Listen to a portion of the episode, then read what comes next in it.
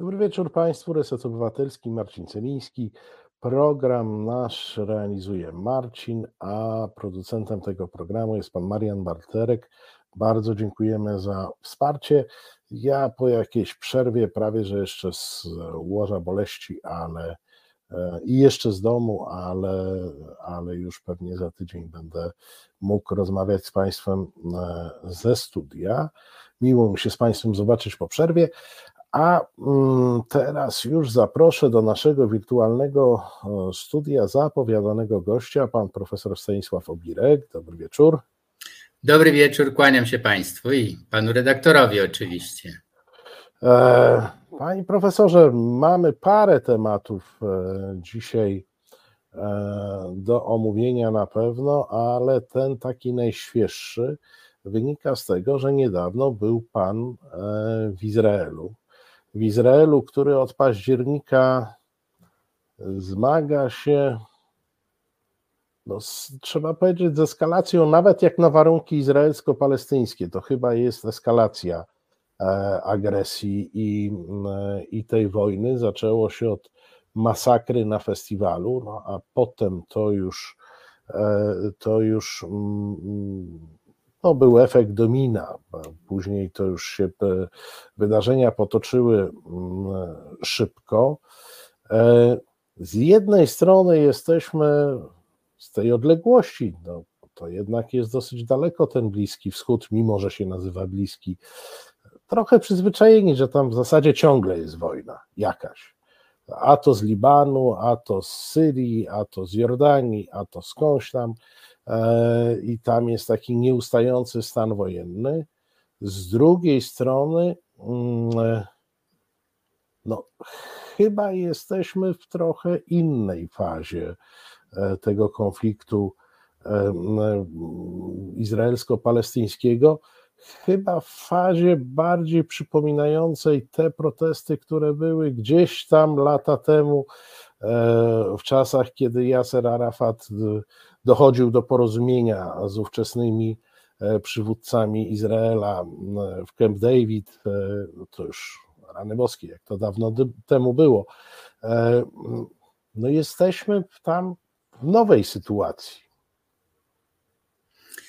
No, przede wszystkim może słuchaczom i widzom naszym należy się wyjaśnienie, że ja nie byłem tam jako dziennikarz, tylko byłem w odwiedziny u rodziny. Y, moja żona jest Izraelką i mieliśmy y, jak co roku y, jechać w odwiedziny do teściowej, do szwagra pod koniec roku, ale loty zostały odwołane, więc ta nasza podróż rodzinna została przeniesiona na luty. Na szczęście lot 1 lutego Y, się odbył i powrót 15 lutego również.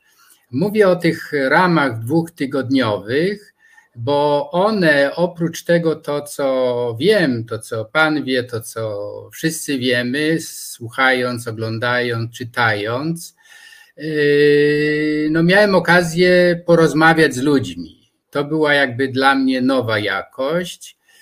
I e, nawet jeśli jestem dość odporny czy uodporniony na różne manipulacje płynące z Bliskiego Wschodu, dzięki różnym e, mniej czy bardziej e, udanym manipulacjom informacyjnym, no to wiedziałem, że 7 października to był oczywiście brutalny, barbarzyński atak Hamasu który przyniósł 1200 e, ofiar e, wymordowanych w najbardziej brutalny sposób, dzieci, no głównie cywili. Ale to, co od początku budziło moją konsternację, to to, że znany z dość szybkich reakcji i rząd, i zwłaszcza wojsko, i Mossad, E, dali się w sposób zupełnie dziecinny zaskoczyć. E, to się działo przez kilka, kilkanaście, a czasem i kilkadziesiąt godzin. E, no był oczywiście, no nie był, był szabat i różne rzeczy. No znamy to, że terroryści wykorzystują jakieś sprzyjające okoliczności. W każdym razie to było niewytłumaczalne, tajemnicze i dziwne. Uczciwie, że tych szabatów od początku istnienia państwa Izrael było bardzo wiele i jakoś sobie do tej pory służby Izraela radziły z takimi, z takimi problemami i Izrael przy tym takim no, nieporównywalnym żadnym innym miejscem na świecie zagrożeniu antyterrorystycznym był jednak miejscem, gdzie mo, ja wiem, to, to, to strasznie brzmi, no, ale jednak można było się poczuć w miarę bezpiecznie, przynajmniej jeżeli się człowiek gdzieś tam nie zapuszczał e, w rejony, e, w rejony oznaczone na, na czerwono. No tutaj mamy do czynienia z, z festiwalem, mamy do czynienia z imprezą kulturową, w związku z czym atak był skierowany e, w cywili, wielkie zgromadzenie cywili w tym kibucu.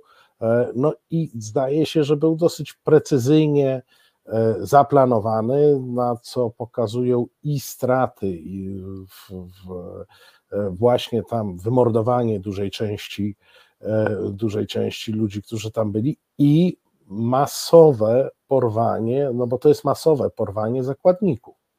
Tak, ta liczba to jest jakieś 250 osób. W tej chwili jest 130, bo tam w międzyczasie kilka y, zostało uwolnionych, no zmarło część osób, bo są przetrzymywane w strasznych warunkach. No w każdym razie ma Pan oczywiście rację, że to y, jest y, temat, który samych Izraelczyków, a zwłaszcza dotkniętych, czyli rodzin i porwanych i wymordowanych, bardzo nurtuje, co się stało z wojskiem dlaczego y, teren gazy, który był monitorowany od dziesięcioleci jako szczególnego zagrożenia, tam były podobno najwyższej y, jakości y, zabezpieczenia i elektroniczne i tak dalej. Dlaczego to się stało w ogóle? Więc mówię o tym, bo z tymi pytaniami oprócz lektur no, przyjechałem do Izraela miałem okazję rozmawiać z bardzo różnymi ludźmi, ale wspólny mianownik jest jeden.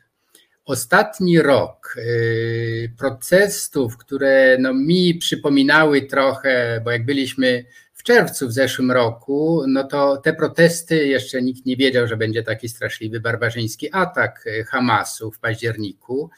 One od momentu y, zawiązania się koalicji, tej ekstremistycznej, E, koalicji premiera Netanyahu z dwiema no właściwie faszystowskimi partiami czy partyjkami e, e, Igmara Ben-Gwira i Becalela Smotricza, one budziły dlatego taki protest. To naprawdę każdego tygodnia dziesiątki tysięcy ludzi, setki tysięcy ludzi wychodziły na ulicę. Ja w kilku takich zgromadzeniach brałem też udział. No bo chodziło między innymi o to, żeby dać wyobrażenie naszym y, słuchaczom o to mniej więcej, co u nas robił, czy wyprawiał raczej Ziobro przez 8 lat. Czyli y, zniszczenie jedynej niezależnej od polityków y, instytucji, jaką jest Sąd Najwyższy w Izraelu. I niewątpliwie te protesty przez cały rok no, były takim sygnałem dla wrogów Izraela, których nie brakuje na Bliskim Wschodzie, zwłaszcza właśnie dla Hamasa, dla Hamasu i dla e, Hezbollah na północy, że w Izraelu y, no, dla atakujących są sprzyjające warunki. I mimo ostrzeżeń, dzisiaj już wiemy, chociaż te komisje ciągle jeszcze nie opublikowały swoich doniesień, ale wiadomo było, że Egipt ostrzegał, służby y, y, specjalne ostrzegały premiera Netanyahu, ale on, a zwłaszcza ci dwaj wspomniali niezwykle agresywni politycy, Ben-Gwir i Smotrich, lekceważyli te sygnały i większość wojska, które zwykle stacjonowało w okolicy Gazy, zostały przeniesione na tereny okupowane, na y, zachodni brzeg żeby chronić osadników, którzy poczuli się, no, zwłaszcza Smotricz, to jest ich opiekun, ich lider, poczuli się pewnie i zaczęli się coraz bardziej agresywnie w jednym wypadku nawet była mowa o pogromie, zachowywać się wobec y, Palestyńczyków, niszcząc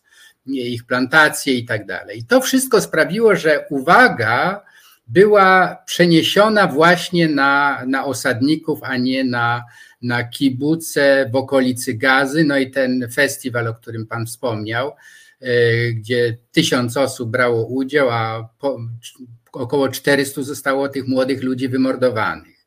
Więc to jest mniej więcej sytuacja medialna, którą żyje Izrael. No i jak jeden żartobliwie mi powiedział, słuchaj, zapytasz dwóch Izraelczyków, usłyszysz pięć opinii. I z takim rzeczywiście rozrzutem różnych ocen się zetknąłem. I dla mnie to było bardzo poznawczo, intelektualnie ciekawe. No ale dominuje nad tym wszystkim oczywiście to poczucie wściekłości, bezradności, no i tego, co się już stało i co się nie odstanie. No i, i, mowa jest o tym, że po zagładzie, po wymordowaniu 6 milionów Żydów w Europie, to drugi raz udało się w jednym dniu wymordować ponad tysiąc ludzi i to y, na terenie państwa, które miało y, zagwarantować Żydom bezpieczeństwo. Niektórzy z, wymordowanych to byli zresztą ocaleńcy y, z Holokaustu. Więc dramat, trauma, z jaką mamy do czynienia, jest absolutnie z niczym nieporównywalna z tymi kolejnymi wojnami, o, o jakich wiemy, i sześciodniowa, i Jom Kippur, i libańska i tak dalej, to jest coś zupełnie nieporównywalnego i na pewno do rozliczeń, zwłaszcza premiera Netanyahu, dojdzie, prawdopodobnie już w najbliższym czasie, bo gniew, y, zwłaszcza krewnych, y, y, porwanych, jest tak duży, determinacja, żeby doprowadzić do przyspieszonych wyborów jest znaczna, no a notowania w sondażach e, Netanyahu lecą na łeb na szyję, bo nie widać, żeby on miał jakiś pomysł, jak to rozwiązać. E, zostawię na chwilę, na, albo nawet na stałe e, kwestie różnych tez. No, pan profesor mówi dwóch Żydów, pięć zdań. Ja czytałem co najmniej kilkanaście chyba od października teorii na temat tego, dlaczego e, służby e, nie zareagowały na ostrzeżenia, dlaczego e, nie było tam przy przesłankach ku temu wzmocnionej obrony akurat w tym, w tym rejonie.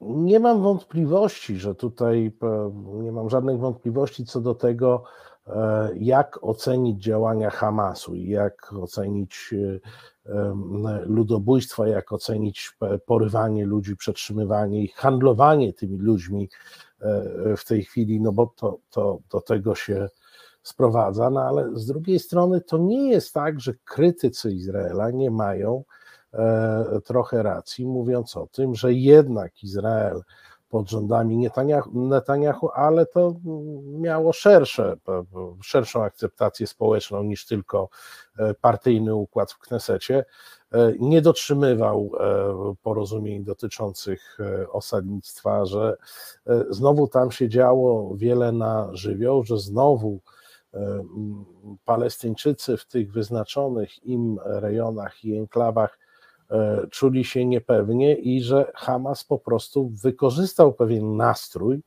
e, żeby zrobić to, co, co zrobił. E, że tutaj nie ma takiej stuprocentowo palestyńskiej winy związanej z tymi zajściami, tylko że jednak one były do jakiegoś stopnia sprowokowane. Y, to nie ulega y, kwestii. Y, moi rozmówcy, jak mówię, z bardzo różnych opcji politycznych wskazywali na te zaniedbania wieloletnie albo nawet sięgające dziesiątków lat, pomijania kwestii palestyńskiej. Premier Netanyahu, który w ustach jednych z moich rozmówczyń był oceniony jako wielki polityk i zdolny negocjator. No, dodajmy, że jest to premier utrzymujący się przy władzy od 15 lat, po dłużej chyba nawet niż Ben Gurion, pierwszy premier Izraela. E, udało mu się nawiązać e, relacje dyplomatyczne z wieloma krajami, również arabskimi. E, bardzo zaawansowane, pamiętam takie jego przemówienie na forum ONZ, gdzie mówił o tym, że udaje się nawiązać kontakt z krajami arabskimi, z Dubajem, zaawansowane rozmowy były z Emiratami i tak dalej. I nie zająknął się na temat Palestyńczyków. Więc to jest to, o czym mówi pan redaktor. Z drugiej strony też ci partnerzy arabscy, zwłaszcza Katar, który od dziesiątków lat finansuje Hamas. E, no już nie mówię o Iranie, który jest zbroi po prostu i Hamas i Hezbollah.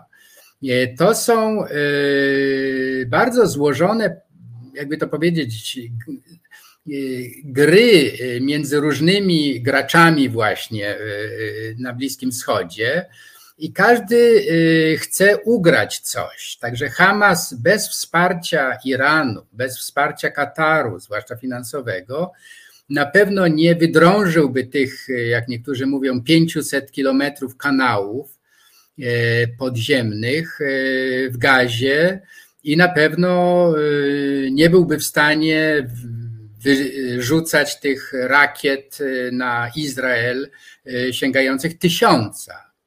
No więc y, chcę powiedzieć, że nie ma, chyba nie można tego jednoznacznie ocenić. Natomiast to, co może warto przy okazji powiedzieć, bo to ja jako amerykanista szczególnie mocno to odbierałem, odczuwałem, ale nie tylko zresztą w Stanach Zjednoczonych, również w, Europie Zachodniej, w Anglii, to były te e, protesty e, poparcia dla Palestyńczyków, e, w których wybrzmiewało przede wszystkim, zwłaszcza po tym, jak armia izraelska 10 dni później wkroczyła na teren Gazy i jak liczba ofiar głównie cywilów, no sięga w tej chwili 30 tysięcy po, pięć, po czterech miesiącach. Jak 80% e, budynków na terenie gazy zostało zniszczonych, że to wszystko dzieje się przy mm, braku e, alternatywy, to znaczy przy braku e, możliwego scenariusza rozwiązania problemu palestyńskiego. Z jednej strony mamy ten barbarzyński atak terrorystów, którzy nigdy nie ukrywali swojego celu, że od rzeki do morza, to znaczy Izrael nie może tam istnieć, czyli zniszczenie Izraela jest celem Hamasu i to jest zapisane w ich e, tekstach założycielskich, to i przywódcy Hamasu, to bardzo dużo tych, tych materiałów można przeczytać, zobaczyć, ciągle mówią o tym, że Izrael jest ich wrogiem, którego trzeba zniszczyć i wyeliminować. Czyli to nie jest partner, z którym można nawiązać jakiś kontakt, y, rozmowy, negocjacje. Oni tylko znają język właśnie ten, który, którego doświadczyli Izraelczycy 7 października. Pytanie jest, jeden z moich rozmówców na to zwracał uwagę, że nie było pomysłu ze strony premiera Netanyahu i to obciąża jego konto bardzo, że on y, przymykał oko. Niektórzy nawet mówią, są takie publikacje, że on wspierał, to znaczy nie, nie utrudniał Katarowi y, pompowanie miliardów dolarów dla gazy, dla Hamasu tak naprawdę, stąd te gdzieś setki tysięcy, no setki me, y, tysiąca metrów kanałów, no za coś to zostało wybudowane, skąd ten cement był sprowadzany i tak dalej. Więc no ktoś to, to wspierał. To poważna inwestycja. To, to ba, no, y, Żydzi mają dość takie okrutne poczucie humoru i mówią, że w Tel Awiwie powinni Hamasników zaangażować, że już dawno by było metro którego nie mogą wybudować. Więc to jest takie e, humor przez łzy, ale coś jest na rzeczy.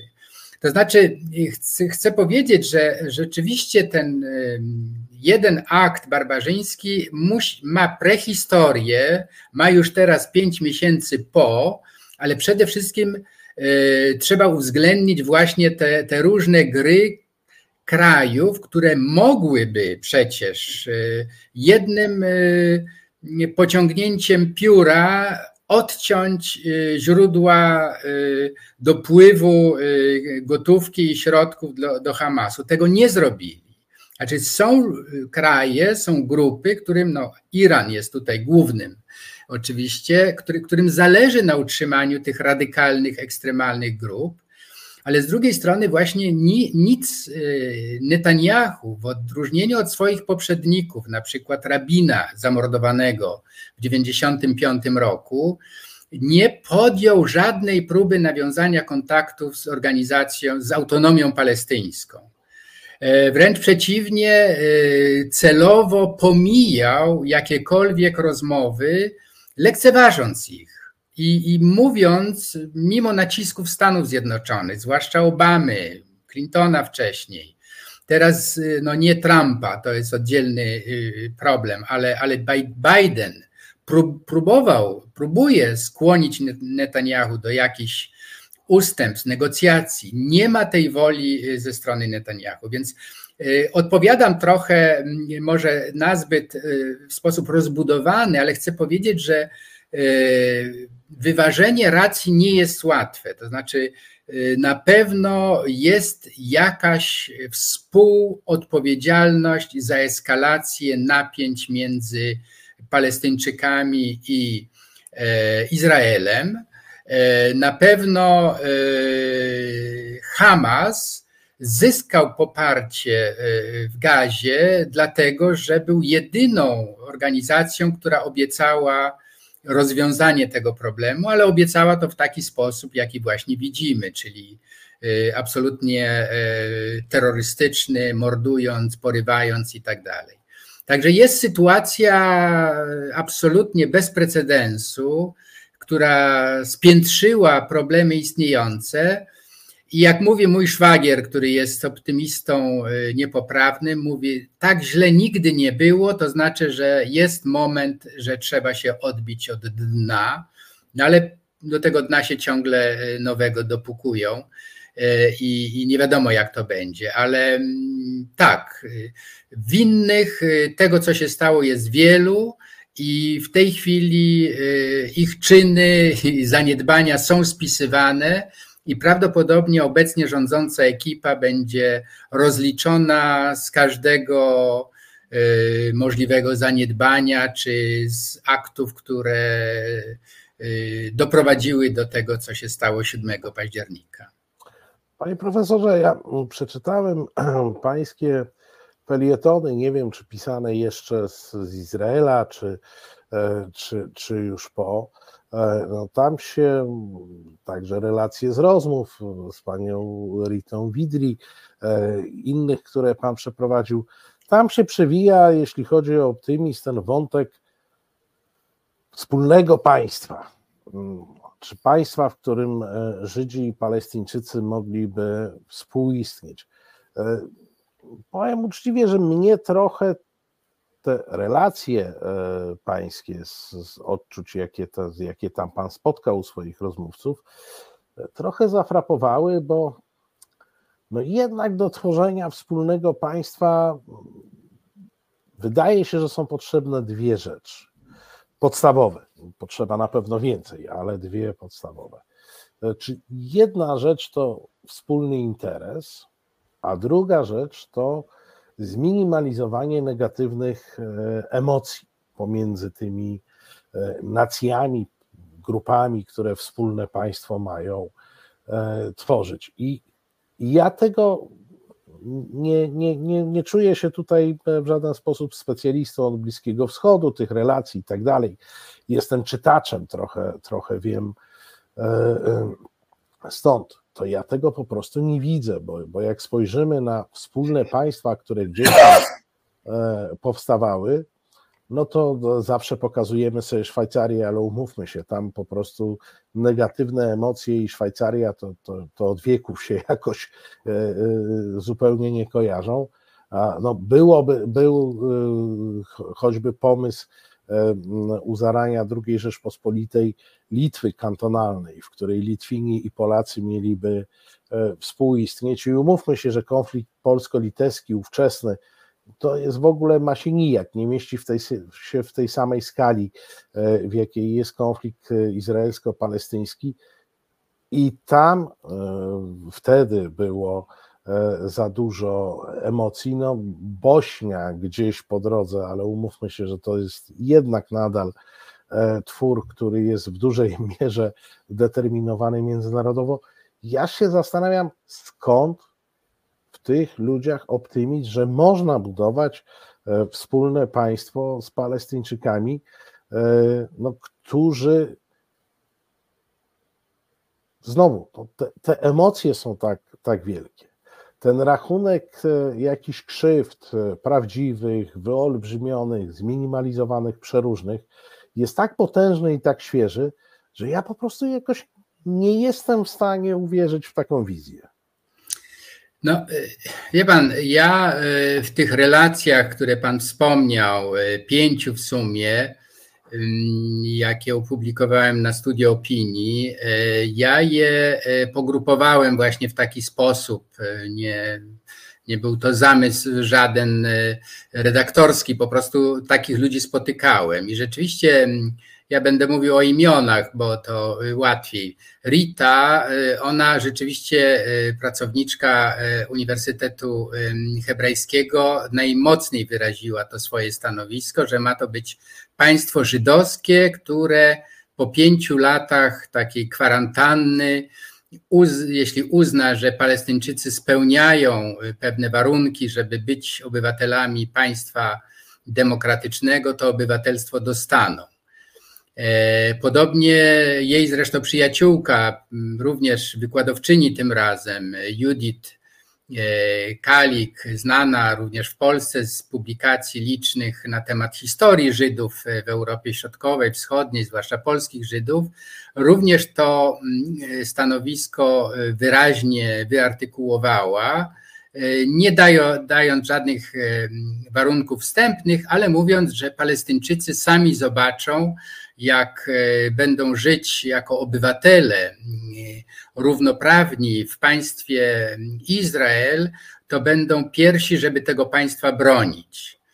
E, ona odwołuje się do biografii, do, ona ma w tej chwili 50 parę lat, odwołuje się do swojego dzieciństwa spędzonego w wiel, właśnie wielonarodowej, wieloreligijnej Jerozolimie i mówi, że to jest naturalne, że w Izraelu nacje, religie są wymieszane i ona sobie nie bardzo wyobraża jakiekolwiek dzielenie, bo niby jak.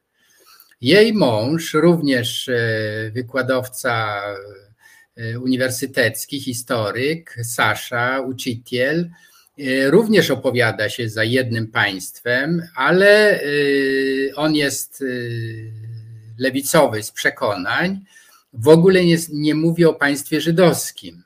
Mówi o państwie demokratycznym, y, o państwie składającym się właśnie jak federacja, nie wiem, Belgii, gdzie są Flamanowie i Weloni, y, no Hiszpania, Francja, no wszystkie kraje właściwie europejskie y, to są dawne zlepki, konfederacje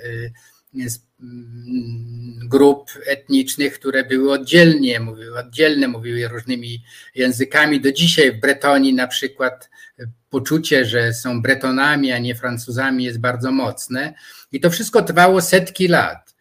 Yy, może warto przypomnieć yy, krótką historię Izraela. To jest zaledwie 70 yy, parę lat. To państwo jest młode. To był eksperyment tak naprawdę trochę powstały z poczucia winy Europejczyków, zwłaszcza Francuzów i Anglików, którzy przecież tam e, dzielili te różne plemiona w sposób dość arbitralny. Te państwa.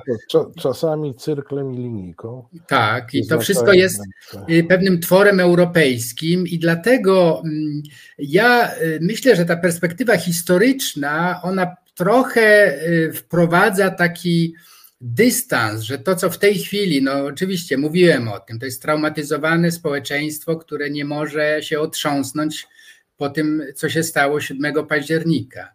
Ale jednak no, musi, musi, jak oni wielokrotnie to powtarzali, musi coś się stać, żeby ta spirala wzajemnego mordowania się e, została przerwana.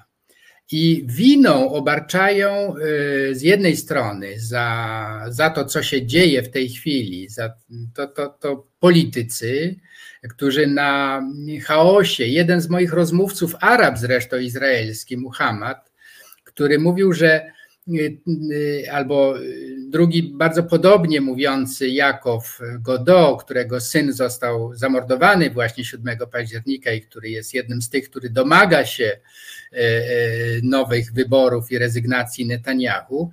Oni z kolei opowiadają się za dwoma państwami, palestyńskim i, i, i żydowskim. I e, uważają, że w tej chwili to się wydaje tak bardzo utopijne, tak bardzo nierealistyczne, bo z obu stron od kilkunastu lat narracje zdominowały grupy ekstremisty, eksterni, e, ekstremalne, ekstremistyczne tak. ekstremistyczne, tak. Mamy, mamy właśnie tego Smotricza i Bengwira, czyli właśnie, no, no, trzeba powiedzieć, to są faszyści, to są, to są Żydzi mesjańscy, którzy powołują się na Biblię i na obietnice, Bog, e, jakie Bóg e, złożył Abrahamowi, że to jest jego ziemia czy Mojżeszowi i tak dalej. Więc oni rzeczywiście są yy, absolutnie sfanatyzowani i tu nie ma żadnej rozmowy z ich strony. Yy, oni mają na swoim sumieniu wypowiedzi no, takie eliminujące, że właściwie najlepszy to byłby transfer tych Arabów, Palestyńczyków, tylko nie wiadomo gdzie, do Egiptu, może na Madagaskar, jak przed wojną w Polsce próbowano rozwiązać kwestię żydowską. Więc to są rzeczywiście rzeczy, no, budzące grozę, no ale z drugiej strony mamy Hamas, który głosi hasła, że Żydów trzeba wymordować. To są, y, Rita mówiła o podręcznikach y, y, szkolnych od szkoły podstawowej, gdzie się uczy właśnie, że Żyda trzeba zamordować, bo, bo to jest no, no możliwa od, od to, co znamy z E, propagandy nazistowskiej. Dokładnie to samo e, powtarzają, zresztą doskonale e, są wyszkoleni na tych materiałach Szturmera i innych specjalistów od antysemityzmu. Więc wie pan, ja nie mam odpowiedzi. Wyjechałem z Izraela, te, te notatki robiłem tam na żywo, na gorąco. Część z nich ukazała się niemalże z dnia na dzień kilka ostatnich już po moim powrocie, ale ciągle mam je, tych ludzi przed oczyma i widzę, jak e, te propozycje rozwiązania się wzajemnie wykluczają, ale w tym widzę ich autentyczność. To znaczy, że zależy od tego, gdzie kto, jakie doświadczenia zebrał w ciągu swojego życia, takie próbuje e, receptury zastosować. One w tej chwili wydają się absolutnie nie, nierealne, no ale kto wie, no kto wiedział, że w ogóle Izrael powstanie w 1947 roku? Kto wiedział, że wojna sześciodniowa nie zakończy się anihilacją państwa, tylko błyskotliwym zwycięstwem e, e, armii izraelskiej. Więc tak samo dzisiaj no, e, jesteśmy zaszokowani tym, co się stało. Mamy przed oczyma te obrazy straszliwe E, mordów bestialskich i gwałtów Hamasu, no ale minęło e, pięć miesięcy, no i by zacytować klasyka, ciągle żywe pytanie, co dzielać, tak? O tak, e, tak jest. E, mm, ja myślę, że tam jednak cały czas czekamy na kogoś, kto będzie w stanie przekroczyć własną wyobraźnię i własne stereotypy, bo z takich konfliktów nie ma wyjścia po linii, czyli nie ma wyjścia przy przyjęciu kryteriach, kryteriów, które są tu i teraz, tylko trzeba tak naprawdę znaleźć kogoś, kto, kto pomyśli na ten temat zupełnie inaczej, nieszablonowo, nie będzie skupiał się na rysowaniu kresek na tej pustyni, kto do której skałki może się osiedlać, tylko wymyśli ten, ten, to miejsce świata na nowo. Zabrzmiało to, jakbyśmy czekali na Mesjasza. No może coś, coś takiego jest. Zamykamy wątek izraelski, bo chciałem wykorzystać to, że pan profesor świeżo z Izraela wrócił. W tej chwili zagramy coś nam Marcin puści całkiem skocznego i proszę Państwa, zaraz po tej krótkiej przerwie e, wracamy do Polski. Całkiem, do bardzo Polski. Obywateluj razem z nami. Wejdź na stronę resetobywatelski.pl i dołącz do nas wybierając odpowiednią formę wsparcia. Ja tylko dodam do tej zapowiedzi, że jutro dochodzenie prawdy na żywo Tomasz Piątek e, bo także po pewnej przerwie e, wraca bezpośrednio na, e, na live'a, jak to się pięknie YouTube'owym językiem określa. A my wracamy na polskie podwórko, bo no ktoś, kogo można nazwać jednym z głównych ideologów e, PiSu, czy taki, takiego, takim zapleczem e, intelektualnym PiSu, pan profesor Andrzej Nowak napisał taki tekst, z którego wynika, że Jarosław Kaczyński powinien się udać na emeryturę, bo no i to, to najostrzejsza to była część e, tego tekstu, w której on wymieniał czego nie wypełnił, tak?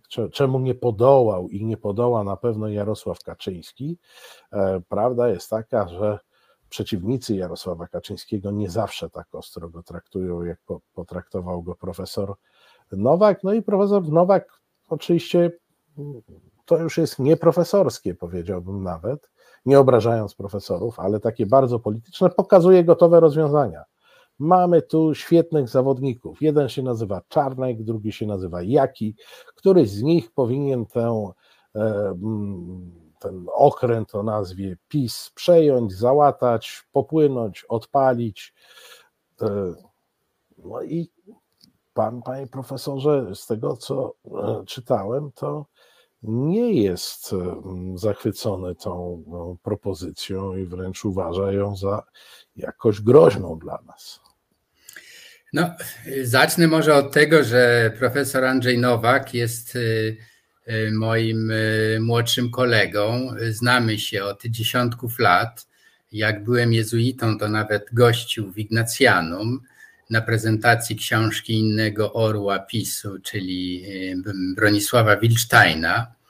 E, więc to są zamierzchłe czasy, które dobrze obaj pamiętamy.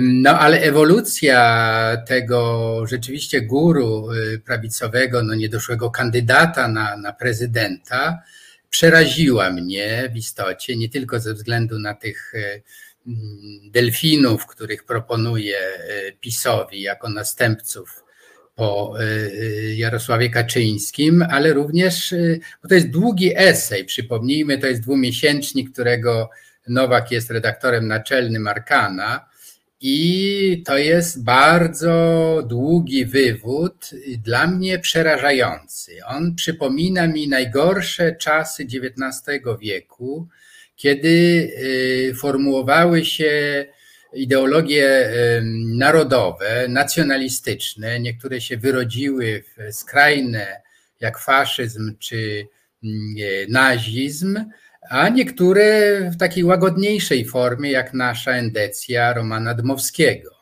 Więc tutaj mamy do czynienia z takim oddechem bardzo głębokim. Dodajmy jeszcze, że Nowak jest autorem wielu książek, wielotomowej e, historii Polski, wielu ważnych, i to mówię bez ironii, książek na temat Rosji, zwłaszcza tej po e, bolszewickiej i po Putinie, no, w każdym razie no, znana postać. I teraz ja czytając ten jego elaborat, miałem wrażenie, że on się tak bardzo przejął tym, co krytykował u Putina i u spadkobierców imperializmu rosyjskiego, że ni mniej, ni więcej, tylko taki scenariusz Wielkiej Polski kreśli e, nam tutaj na naszych oczach, przerażony tym, że oto nihiliści, niszczyciele naszej tożsamości narodowej doszli do władzy i tylko Czarnek, który zasłynął właśnie z tej wyrazistej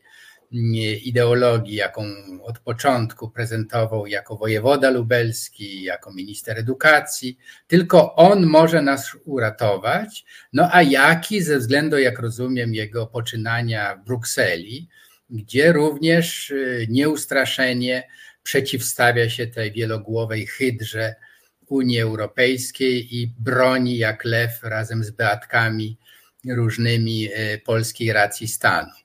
E, i Szydło, Kępa i, i, i Mazurek. Więc mamy tutaj do czynienia rzeczywiście z propozycją, która brzmi, gdyby nie była groźna, brzmi, jest śmieszna po prostu i rzeczywiście niegodna intelektualisty, na jakiego jest kreowany. Panie nowa. profesorze, no, bo można by to odczytać jako taką konstrukcję, nawiązując do tej międzywojennej endecji, E, odrzućmy tego Dmowskiego, bo on nam się już wziął, przytępił i taka była argumentacja. Znajdźmy sobie jakiegoś fajnego Bolka Piaseckiego, który nam tutaj e, dziarskich chłopców e, zradykalizuje nam i nada jakiejś energii życia temu ruchowi, ale kiedy ja sobie o tym pomyślałem, to się zastanawiam, czy nie należy szukać analogii gdzie indziej. E, I tutaj będę pił do amerykanistycznej strony pańskiej e, natury. Bo wszyscy chcemy, nie chcemy, jeżeli interesujemy się polityką, obserwujemy metamorfozę partii republikańskiej. E, niegdyś partii Ronalda Reagana, niegdyś Reagana, który mówił o imperium zła, E, słynna wypowiedź e, Bushów jeszcze, którzy byli dosyć jednoznaczni w, w swoich poczynaniach i rozumieniu świata i tej geostrategii świata, no, do roli partii trumpowskiej, czyli jakiegoś takiego dosyć dziwnego człowieka na pierwszy rzut oka, jeszcze dziwniejszego, kiedy się go trochę zbada, pod kątem powiązań i różnych innych rzeczy. E, no i czy to nie jest tak, że wśród tych e, europejskich e, partii alt-rightu idzie w tej chwili gra mniej więcej o to samo, to znaczy o przekształcenie partii prawicowo-populistycznych w partie prawicowo-populistyczne prorosyjskie. E, bo no. tutaj są te, te, różne. PiS przeszedł ewolucję od partii, która do 2010 roku pewnie przede wszystkim dzięki Lechowi Kaczyńskiemu, to dzisiaj z perspektywy na to patrzymy, e, uchodziła za antyrosyjską czy wręcz rusofobiczną, e, przeszedł ewolucję do partii, no powiedziałbym, dosyć wyraźnie prorosyjskiej i jeżeli Mm, e, pan Kaczyński zmienia szefa delegacji e, w Parlamencie Europejskim na jednoznacznie prorosyjskiego Tarczyńskiego, to chyba coś znaczy. I czy tutaj przemiana, ta zmiana, e, no nie byłaby kolejnym krokiem przepoczwarzania się tej naszej polskiej odmiany altprawicy w, w, w partię typu Trumpowskiego? No jutro pewnie z, y, z Tomkiem sobie pogadacie o tym bardziej szczegółowo. E, ja niepewnie się czuję na tym gruncie, natomiast rzeczywiście wczoraj mózg zwycięstwa Trumpa, Steve Bannon, znowu się pojawił. Dodajmy, Y, ułaskawiony ostatnim rzutem na taśmie przez Trumpa, bo groziło mu więzienie i to wieloletnie za defraudację pieniędzy, y, wrócił i wrócił z przytupem. To znaczy, zdążył się nawet wypowiedzieć na temat Putina, na temat Rosji. Więc to, co mówi Trump, y, to jest oczywiście podszeptywane właśnie przez tego niewątpliwie prorosyjskiego mm, stratega, altrajtowca właśnie. On pierwszy z, zniszczył tak naprawdę debatę publiczną w Stanach Zjednoczonych, wprowadzając ten taki, tak jak u nas zresztą ja, te analogie są niezwykłe, jak u nas PiS, y, pierwszy PiS przez dwa lata zdążył zepsuć y, debatę publiczną, wprowadzając y, na salony antysemitów, no, faszystów i, i, i tego rodzaju ideologów, a mając w swoich szeregach jednoznacznie prorosyjskich polityków. To wojna, której smutną rocznicę rozpoczęcia e, obchodziliśmy dwa dni temu, ta wojna antyukraińska wcale nie e, Putina wcale nie uciszyła, nie zminimalizowała E, aktywność, e, no niektórzy szpie, szpiegów, no bo są i tacy, którzy już siedzą w więzieniu i czekają na wyroki. Mam nadzieję, że e, służby, które wróciły do swojej naturalnej funkcji, czyli szukania i chronienia Polski przed obcymi wpływami, znajdą więcej takich agentów i, i, i, ich osądzą. Y, wydaje mi się, że, że trop jest bardzo ciekawy. I ta ekspertyza, ta ekspercka wiedza Nowaka w sprawie Rosji wcale nie chroni y, paradoksalnie od tego, że może stać się rzecznikiem, jeśli nie Kremla, bo o to go nie podejrzewam, ani, ani o Putina, natomiast rodzaj retoryki antyeuropejskiej, antydemokratycznej, którą on w swojej e, tej politycznej wizji, bo to jest taka no, pamflet y, polityczny, manifest polityczny, prezentuje, no jeżeli nie demokracja, jeżeli nie Unia Europejska, no to co? No to. Ale nie... panie profesorze, bo tu jest coś, co, co mnie e, nieustająco fascynuje e, w PiSie i i okolicach w PiSie, który budował się przecież na takiej retoryce bardzo e, patriotycznej i chętnie jej używa, no raptem okazuje się, że te kwestie czysto ideologiczne zaczynają być ważniejsze od interesu narodowego, od faktycznych sojuszy. My trochę zapominamy, ale przecież to, nie, to 6 czy 7 miesięcy przed e, e, eskalacją, przed, przed lutym, e, przed eskalacją konfliktu w Ukrainie, było to słynne przemówienie Putina, którym zachwycała się prawica całej Europy, z, z pisem włącznie. Putin na klubie wałdajskim sformułował taką tezę rozsądnego konserwatyzmu który się sprowadza do tego, że żadnych tam e, gejów, żadnych tam e, transów, żadnych tam innych, e, że mamy tu pewną wspólnotę. On wyszedł do, do, do prawicy zachodnioeuropejskiej, mówiąc, mamy pewną wspólnotę ducha, związaną z tym, że my się przeciwstawiamy tym wszystkim nowoczesnym świństwom. Mówię oczywiście trywializując, bo bo on to sformułował dosyć, e, dosyć zgrabnie i nasz PiS do dzisiaj ma, do dzisiaj mimo wojny, mimo tych wszystkich okrucieństw, e, ma tę ciągotę, żeby powiedzieć, no nie, ta Unia to są te wszyscy, ci wszyscy zboczeńcy, no a Putin to jednak on się trzyma tutaj moralnie na różne sposoby. No, bez względu na to, jak to brzmi, można to przeczytać. Można to przeczytać, można to usłyszeć w tych kręgach.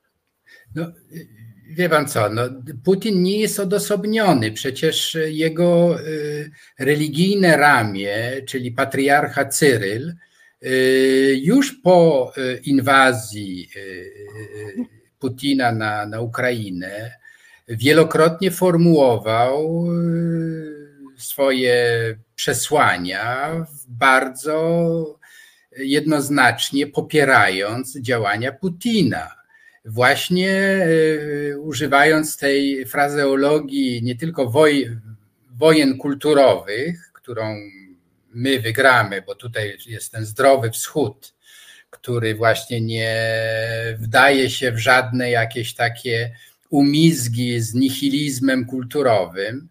I tutaj bym y, dodał jeszcze y, zapomniany flirt jednego z ważnych hierarchów polskich, czyli ówczesnego przewodniczącego Episkopatu Polski Józefa Michalika, który z Cyrylem podpisywali bardzo jednoznacznie antyeuropejską nie wiem jak to nazwać, deklarację o wzajemnym wspieraniu się właśnie w tej walce. I ówczesny prezydent Komorowski nie widział właściwie żadnego problemu, żeby się tym, jeśli nie zachwycać, to tak hen pomrukując, że to jest właściwy kierunek. Więc rzeczywiście mm, to, y, to jest kilkanaście lat temu, ale korzenie tego dzisiejszego flirtu z E, zbrodniczym e, systemem, bo to jest system cały przecież putinowski, e, mamy w Polsce bardzo wyraziste sygnały. I polski kościół, hierarchiczny zwłaszcza, bo to nie tylko Michalik, większa część episkopatu dzisiejszego jest zdecydowanie, przecież kiedyś znowu temat dla Tomka Piątka, Tadeusz Rydzyk, i jego talerze transmitujące gości Radia e, Maryja właśnie w Rosji. Więc to, to wszystko się układa w pewną całość, e, która czyni ten e, występek, którym się tak prawica zachwyciła, a zmieszanymi uczuciami komentowała prac, prasa liberalna, no czyni tym bardziej niebezpiecznym. Także uważam, że, że żyjemy w istocie na zakręcie. Nie wiemy, w jakim kierunku pójdzie retoryka Trumpa, który się rozkręca, mimo ciążących nad nim oskarżeń o defraudację i różne inne rzeczy, łącznie z walką z wyborami, z wynikiem wyborów. Więc to wszystko się układa w taką niewesołą całość i wydaje mi się, że zaczęliśmy od smutnych obrazów z Izraela, ale u nas w Europie chmury wcale nie są rozproszone, niebo nie jest słoneczne. Różne rzeczy jeszcze się mogą tutaj dziać.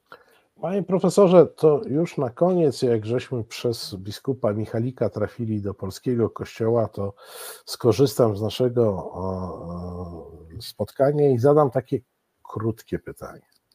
No bo nowy rząd e, zamierza trochę rozluźnić e, sojusz tronu e, z ołtarzem. I tutaj z episkopatu dostaliśmy dwa komunikaty. No jeden to taki, że w sprawie funduszu kościelnego to episkopat jest skłonny rozmawiać. Co to znaczy w praktyce, to nie wiemy, ale jest skłonny rozmawiać.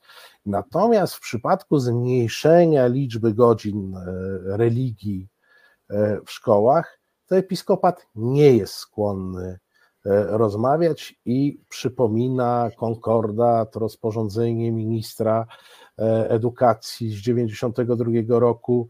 Może przypominać, ale teraz jest inny minister edukacji, każde rozporządzenie może zmienić, bo to tak, tak działa. Proszę powiedzieć, czy to jest e, Pańskim zdaniem gra, czy w przypadku religii w szkołach, zmian, które są projektowane, umówmy się łagodnych, bo chodzi o e, ograniczenie do jednej godziny e, religii i systemowe umieszczenie jej na pierwszej, ostatniej godzinie, no i zniesienie tego, co jest od niedawna, czyli, czyli oceny na świadectwie, czy to jest e, rozgrywka i Kościół sprzeda tę religię za coś innego, czy w przypadku religii to będzie no pasaran? Y, ja myślę, że to jest y, gra. Absolutnie polscy biskupi to są wytrawni gracze, którzy się przyzwyczaili, że po zmianie systemu zawsze y, określali warunki gry i zyskiwali więcej niż chcieli. O tym wielokrotnie żeśmy mówili. W tej chwili myślę, że to jest e, gra, to jest próba wywierania nacisku na premiera, Tuska i na ministrę Nowacką, ale myślę, że to oni wiedzą, jakie te lekcje religii, jak wyglądają, że one właściwie już obumarły, więc tu nie ma o co walczyć. To jest tylko próba ratowania twarzy, coś za coś. My tutaj ustąpimy, ale w innych sprawach to prosimy, na przykład no, y, karanie księży, to proszę jednak y, najpierw biskupom zostawić sprawę, tak jak to było w okresie międzywojennym. To są rzeczy ważne i ważniejsze. Tak. Więc ja myślę, że to jest część gry, y, no i powiedzmy sobie na koniec, że są to ostatnie ruchy y, obecnych biskupów, y, którzy zmienią się już za miesiąc. I zobaczymy, czy to będzie kontynuacja, czy będzie rewolucja, czy, czy co się bardzo zmieni, ale to rozluźnianie, jak to Pan ładnie nazwał, relacji państwo-kościół będzie postępowało. Myślę z prostego powodu. Nie, nie, nie podejrzewam tutaj o jakiś antyklerykalizm obecnych rządzących, zwłaszcza trzecia droga to jest Boże Uchowaj. Myślę, że mogliby być spokojnie ministrantami e, liderzy trzeciej drogi, ale e, chodzi o to, żeby nie oddać y, pola bez walki. To tylko o to chodzi.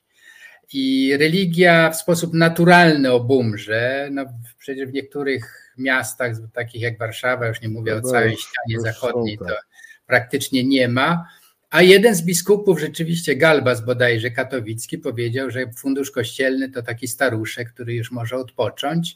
Więc ja myślę, że nawet jeśli powiedział to pół żartem, pół serio, ale to oznacza, że oni sobie wiedzą, że konfitury są gdzie indziej. I to gdzie indziej, y, nie mamy czasu, żeby tego wątku y, rozwijać, myślę, to ich napawa lękiem i strachem i zobaczymy, jak to będzie się rozwijać dalej. Panie profesorze, bardzo dziękuję za rozmowę i za y, dzisiejsze spotkanie. Państwa i moim gościem był profesor Stanisław Obirek. Dziękuję bardzo. Kłaniam się, e, kłaniam się nisko. E, my już, proszę Państwa, finiszujemy z rozmowami e, Celińskiego. Ja Państwa zapraszam już za minutkę rozmowy Celińskiego na BIS. YouTube Państwa przekieruje, a inni muszą przejść. Ja tylko przypominam, że można dawać łapki, lajkować, udostępniać. Bardzo jesteśmy Państwu za to wdzięczni. Bardzo dziękuję Marianowi Balcerkowi, który był producentem tego programu. Marcinowi podziękuję jeszcze po kolejnym programie. Kłaniamy się Państwu nisko.